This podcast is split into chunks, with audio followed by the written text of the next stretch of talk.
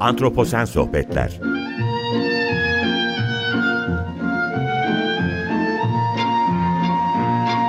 Hazırlayan ve sunan Utku Perktaş Antroposen hem alışılmadık hem de rahatsız edici bir dünya. İnsanların hem bireysel hem de toplu olarak askıya alınmış güven vermeyen mekanlarla boğuşmak zorunda kaldığı bir dönem. Yani devam eden huzursuzluk ve güvencesizlikle yaşamak için stratejiler gerektiren bir dünya ortamı olarak tanımlanabilir. Evet, esasen bugün Türkiye'de deneyimlediğimiz afetlerle şekillenen ortamın bir tanımını yaptım sanıyorum. Ve bir de şunun altını çizmek istiyorum. Bugün yeryüzünde yaşamda barış içinde olmadığımız gerçeğinin bilincine var, varmadıkça yeryüzünde barış ve huzura kavuşabilmemiz olanaksız.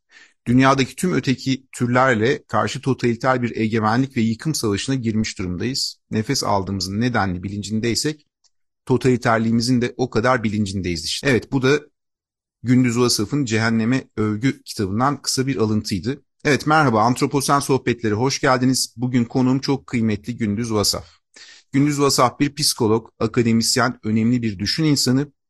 Geçtiğimiz yıl Cehenneme Övgü kitabına bugünlerden bakarak bir söyleşi gerçekleştirmiştik kendisiyle. Bugün de modern zamanlarda antroposeni nasıl deneyimliyoruz sorusunu kendisine soracağım. Gündüz Hocam hoş geldiniz. Merhaba, davetimi kabul ettiniz ve kırmadınız. Yine beraberiz. Merhaba Utku, sevgili Utku. Düşün insanı dediniz. Galiba işte şeyden, o Descartes'tan düşünüyorum varım. Yani düşünüyorsam bugün bu antroposen çağ bağlamı içinde düşünüyorsam ki tek bağlam bu. Çünkü gezegen gelecek. Düşünüyorsam utanıyorum demek. Düşünüyorsam suçluyum demek. Düşünmek suçlu olduğumuzu anlamak demek her şeyden önce. Ve utanmak. Yani sessizliğimizden utanmak. Oxford'da üç genç filozof var bugünlerde adı epey geçiyor. Hepsi de az çok birbirlerini tekrarlayan ahlak üzerine yazıyorlar. Ben bugün vicdanım kimden sorumlu? İşte ilk önce en yakınlarımdan, çocuğumdan, sevgilimden, annem, babam. Ondan sonra daire giderek büyüyor. E, mahallemde olup biten, yaşadığım ülkede olup biten, dünyada olup biten, orada sel felaketi var, nasıl yardım edebilirim? Orada savaş var, savaşın durması için ne yapmak lazım? Giderek genişliyor. Fakat şeyde kalıyor, e, yaşadığımız zaman diliminde kalıyor. Yani bugün yaşadığım felaketler karşısında ben ne yapabilirim de sınırlı kalıyor. İşte yaşadığım müddetçe ben de iyi bir insanım, bunları yapmaya çalıştım vesaire vesaire. E, halbuki bu ahlak tabii ki gelecekte seller altında kalacak yüz binlerce insan küresel iklim değişikliği kıtlık, Afrika'dan göçler, ölümler, bunlardan da ben bugün sorumluyum. Bir şey yapmamakla sorumluyum. Yani gözümün önünde sadece şey felaketi var, günümün felaket manzaraları var. Fakat gelecekte olabilecekler bir düşünce, bir teori. Yani bana dokunmayan şeyler, beni acıtmayan şeyler. Fazla afaki kalmış şeyler. Halbuki o da benim ahlakımın bir parçası. Ben öldürmüş olacağım o insanları gelecekte. Doğal felaketlerden, açlıktan, demografik değişimlerde, yolda ölenlerden vesaire. Onun için galiba yani işte düşünmek bugün ilk önce bu suçlu hissetmemiz kendimizi ve utanmamız kendimizden. Hele çocuğumuz varsa çocuğumuzun önünde utanmamız ve suçlu olduğumuzu yani birlikte yaşayabilmemiz.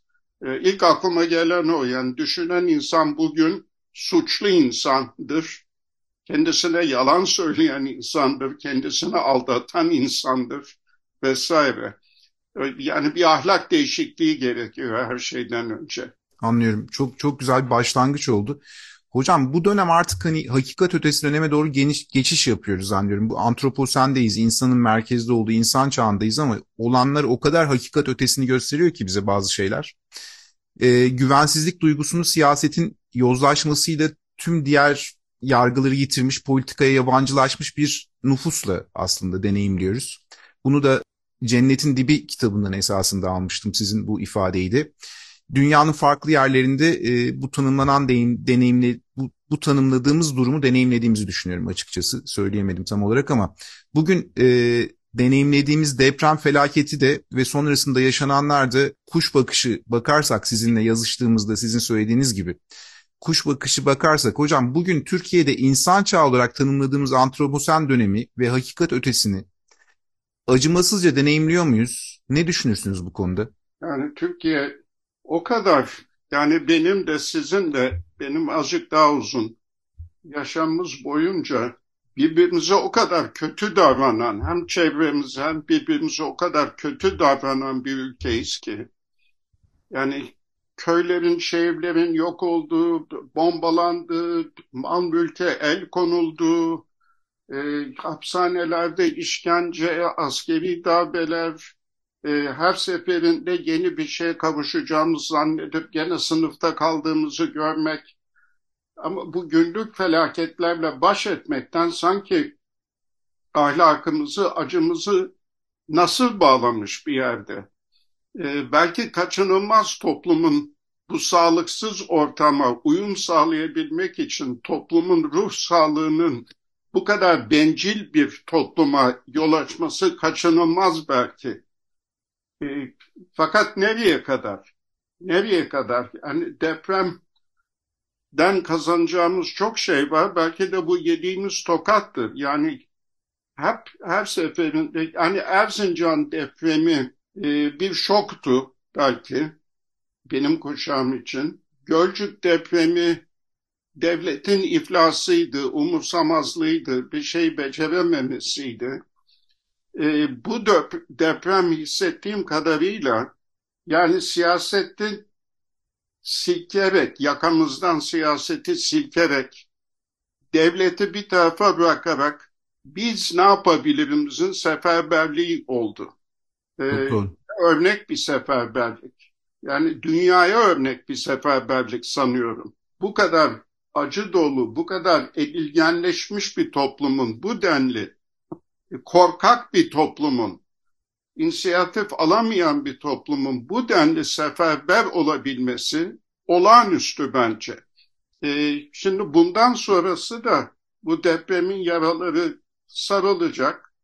Ee, bu psikolojinin şeyine işte aşamaları var işte yaz, inkar, kabullenme vesaire bunları da geçeceğiz. Fakat iki hafta sonra artık bu ilk acil yardımlar bittikten sonra ne yapacağız? Gene köşemize çekilip bu sefer seçimler olmasını mı bekleyeceğiz? Yoksa buradan aldığımız dayanışmayla birlikte bir şey yapabileceklerimizin kanıtlandığını pratikte görmemizle bundan sonra ne yapacağız hep birlikte? Kendi mahallemizden başlayarak ülke geneline yayılarak aklımdan şu geçiyordu geçen gün bu acı, ilk acı var hala, depresyon var. Psikologların yapabileceği bir şey yok. Yapabilecek olsalar yetişmezler zaten. Yetişemezler. Fakat Türkiye'nin batıda olmayan kuvvetli bir yanı Türkiye gibi toplumların her ne kadar cemiyetsek de cemaatler var hala Türkiye'de. Aile var, mahalle var, hemşerilik var. Bunun getirdiği bir dayanışma var. E, mahallelik var. Şimdi bu dayanışma babında aklıma atsız alkolikler geldi. Ondan nasıl alkolikler yan yana geliyor birbirlerine destek oluyorlar tekrar. İçmemeleri için ve hayatı yeniden yakalayabilmeleri, kendilerini ve dünyayı sevebilmeleri için. Şimdi her mahallede, her apartmanda evimizde tek başımıza bu acıyla cebelleşeceğimize, haberlerde kendimizi boğacağımıza, evde birbirimizle belki bu gergin ortamda, depremden gerilmiş ortamda birbirimizle tartışacağımıza, sen psikoloğa git, ya sen git gibi birbirimize takılacağımıza, bu acılarımızı konuşacağız ortamlar oluşturmak, mahalle komiteleri gibi, apartman komiteleri gibi. Oradan da birleşerek, ilk defa mahallemizde birleşerek, çünkü şimdiye kadar bir taraf orada siyasi olarak bir taraf burada Ama bu acılarımızla insanca birleşerek ondan sonra gene birlikte ne yapabiliriz diye. Yani Türkiye'nin yeni ahlakı böyle kurulacak. Seçimlerde kimin kazanacağıyla kurulmayacak. İlk önce yan yana gelerek, tartışarak, tanışarak birbirimizde kurulacak. Çok teşekkürler hocam. Peki bir sorum da şöyle. Şimdi artan nüfus, kırsaldan kentlere doğru yaşanan göçler ve hızla ucuza mal edilen meskenlerde büyüyen kentlerdeki insan nüfusu artık tekinsiz ve huzursuz bir ortamda yaşamak zorunda. Afetler meydana geldiğinde de plansız ve kalabalık kentlerin artan yükü afetlerin sonuçlarını farklı bir boyuta taşıyor. Sonuçları insanların ve doğanın üzerine yüklüyor esasında. Şimdi artık içinde olduğumuz bu dönemde dünya yaşadığımız gezegen artık bize yabancı mı diye ben sorguluyorum kendime, kendi kendime. Acaba ne düşünürsünüz hocam? Yaşadığımız gezegene mi yabancılaşmaya başladık, gezegen mi bize yabancılaşmaya başladı acaba? Çok güzel. Çok güzel. Gezegen bizden daha dirençli ama gezegen de bize yabancılar yani düşünmemiştim o şekilde müthiş bir yaklaşım. Belki öyle düşünebilirsek yani gezegeni daha bir Gaia gibi yaşayan bir varlık gibi düşünebilirsek o zaman bize yabancılaştığı, e, şaştığı, şoktan şaştığı kesin, kesin bence. Azıcık felaket belki aydınlanmayla başladı. Yani gezegenin bize yabancılaşmasında. Yani veya tek tanrılı dinlerle de başladı belki. Yani nehir tanrısı, ağaç tanrısı, kuş tanrısı hepsini öldürdük. Onları yaşatırken doğaya saygımız, doğadan korkumuz günlük yaşamımızın bir parçasıydı. Yani Tanrı da soyutlaştıkça ve oralarda bir yerde daha genel bir ahlakla ilgili, soyut bir ahlakla ilgili veya bedenimizle ahlakla ilgili işte Hristiyanlık mesela sevişmeyeceksin bile. Yani başlangıçta. Yani bedene verdiğimiz Augustin ve sevdiğim bedenimize ne kadar ilgileniyorsak o kadar e, Tanrı'dan uzaklaşıyoruz anlamına geliyor. Neyse soyutlaştıkça hikaye doğadan koptuk ve doğayı kullanmaya başladık. Yani aletleştirdik doğayı. Bu bildiğimiz bir şey. Arkasında ve bugün hala neredeyse oradayız. Hala neredeyse oradayız. Yani işte gene ahlak değişimi. Yani bu doğa tanrılarını yeniden keşfetmemiz ve doğadan korkmamız. Doğadan korkmuyoruz. Başımızda ne geldi diye bakıyoruz. Biz yaptık diye bakıyoruz. Açık onun da bilincine geldik. İnsan doğayı değiştirdi. Doğa da üstümüze geliyor. Ama antroposende bize odaklanıyoruz. Kötü biziz. Doğa tabii ki kötü değil. Ama korkmamız lazım. Bizim yaptığımız kötü oraya yansıyor. Duadan azıcık daha korkarsak belki korkuyla aklımızı başımıza toplayabiliriz. Çünkü hala biz doğayı denetleyebiliyoruz diye bir inancımız var. Düğmeye basıyoruz, elektrik yanıyor, musluğu çeviriyoruz, su akıyor. Yani doğayı ayağımıza, ışığı ayağımıza getiriyoruz, suyu ayağımıza getiriyoruz. Bu kadar kolay değil. Gelmeyecek bir gün çünkü. Evet, evet kesinlikle. Tatlı su kaynakları dünyadaki en sınırlı kaynaklar hocam ve bitiriyoruz yani. Ve ben şöyle düşünüyorum. Dünyayı o kadar hızlı dönüştürüyoruz ki dünya, dünya kendi tarihinde görmediği bir hızla dönüşüyor esasında ve bunu adapte olamadığı için aslında biz de dünyaya yabancılaşıyoruz. Dünya da bir, yani karşılıklı bir etkileşim olduğunu düşünüyorum.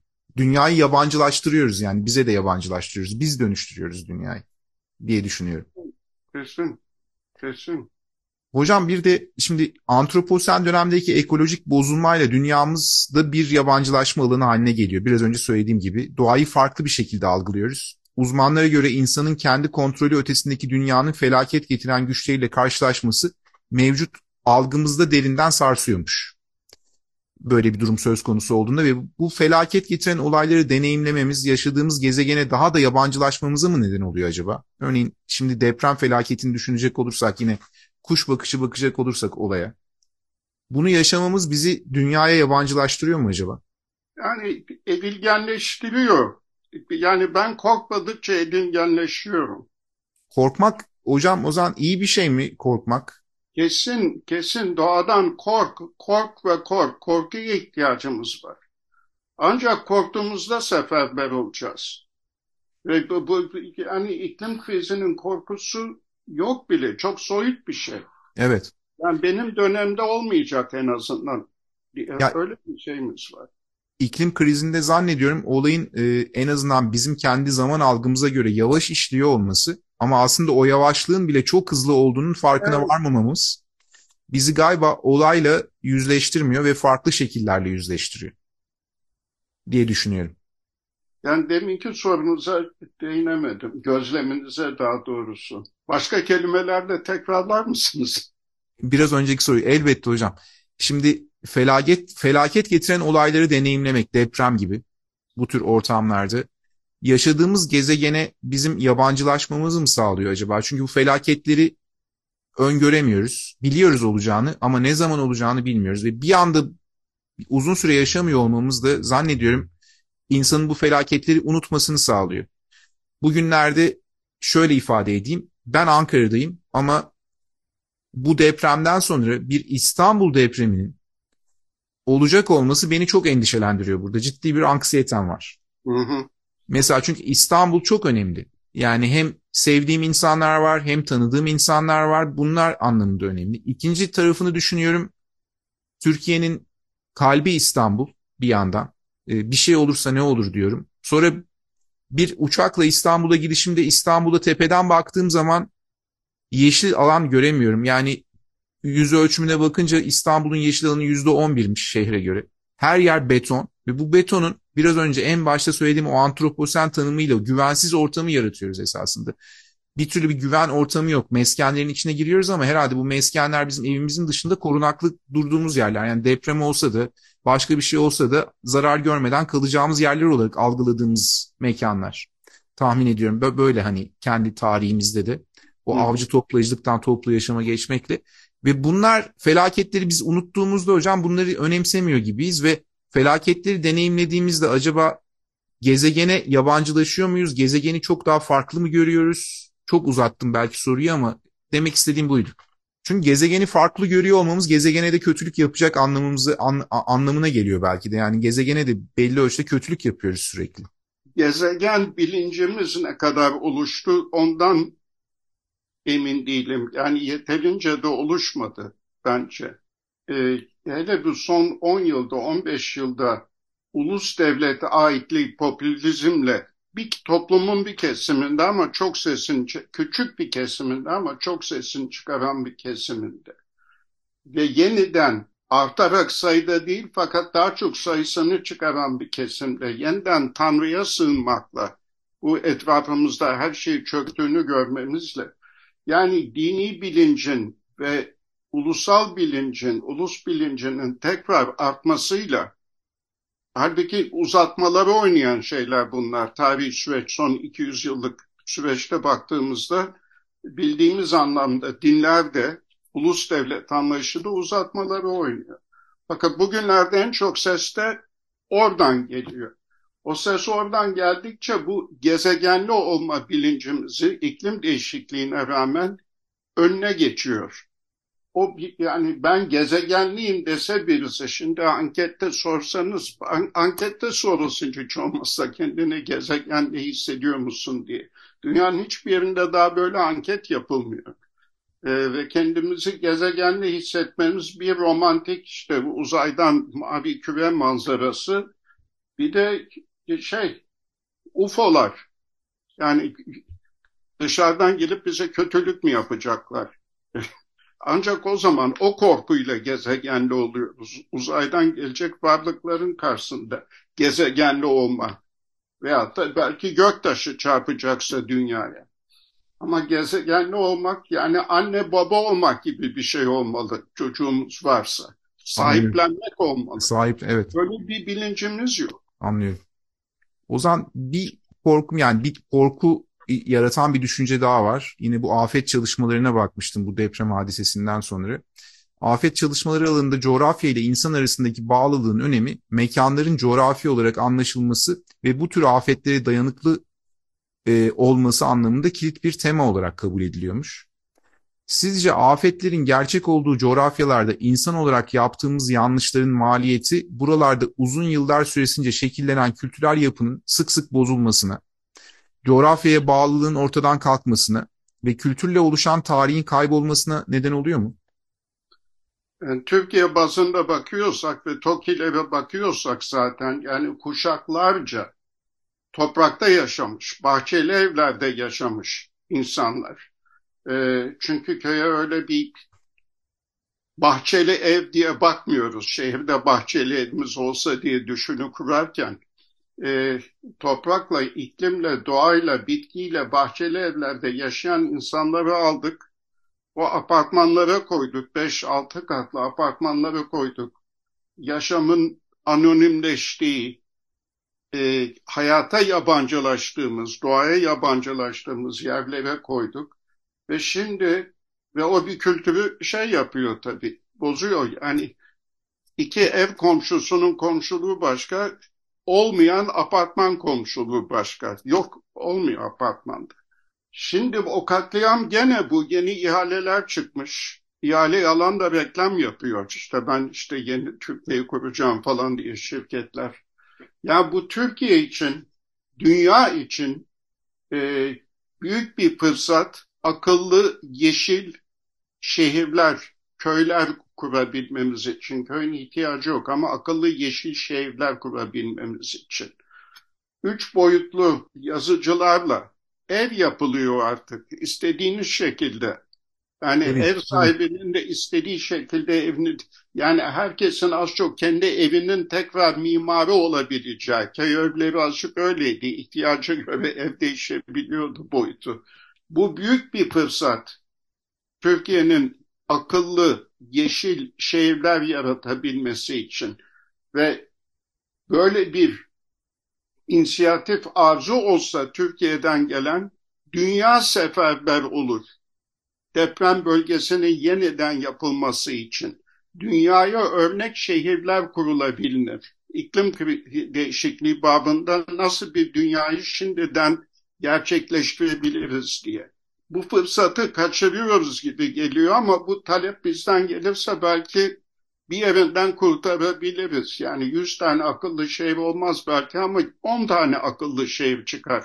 Hiç olmazsa. Şimdi başlayan sivil inisiyatiflerin de devreye girmesi ve biz bunu istiyoruz demesiyle ve oradaki yöre insanlarının da taleplerinin bu doğrultuda olabileceğini onlara anlatmakla. Çünkü onların aklından bunun geçmesi bu felakette mümkün değil zaten. Değil.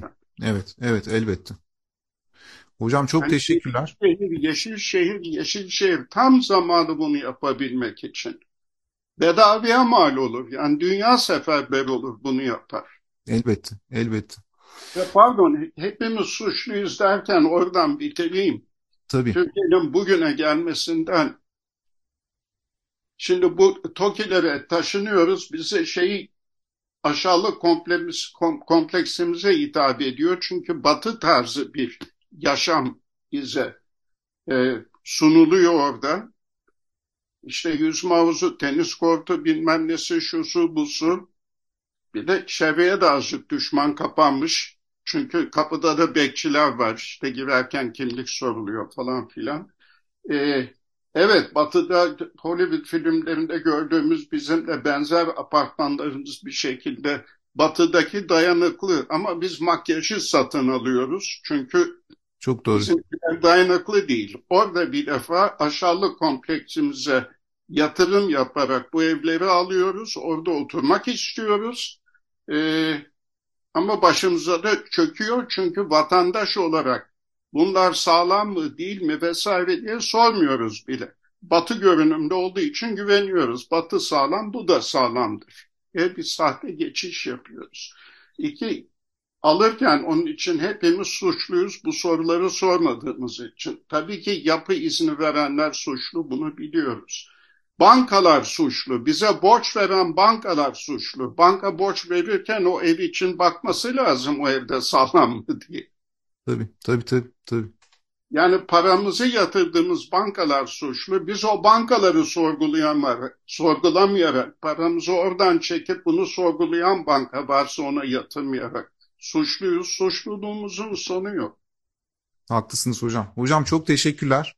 Zaman yine çok hızlı aktı. Ee, programın sonuna geldik. Ee, ben size geldiğiniz için çok teşekkür ediyorum. Vakit ayırdığınız için çok keyifli bir sohbet oldu. Eksik olmayın. Peki Utkucuğum bir sonraki sohbette siz lütfen sizin yaptıklarınızı anlatın. Tamam tabii ki seve seve hocam. Yine beraber olalım ve ben çok isterim. Yani programı Ben size sorayım lütfen sizin dünyanızı paylaşalım birçok kişiyle. Tamam hocam çok teşekkür ederim. Eksik olmayın. Ben yavaş yavaş programı kapatıyorum. Bugün Antroposen sohbetlerinin sonuna geldik. Önümüzdeki günlerde benzer sohbetlerle tekrar söyleşilerle tekrar buluşacağız. İyi akşamlar diliyorum. Hoşçakalın.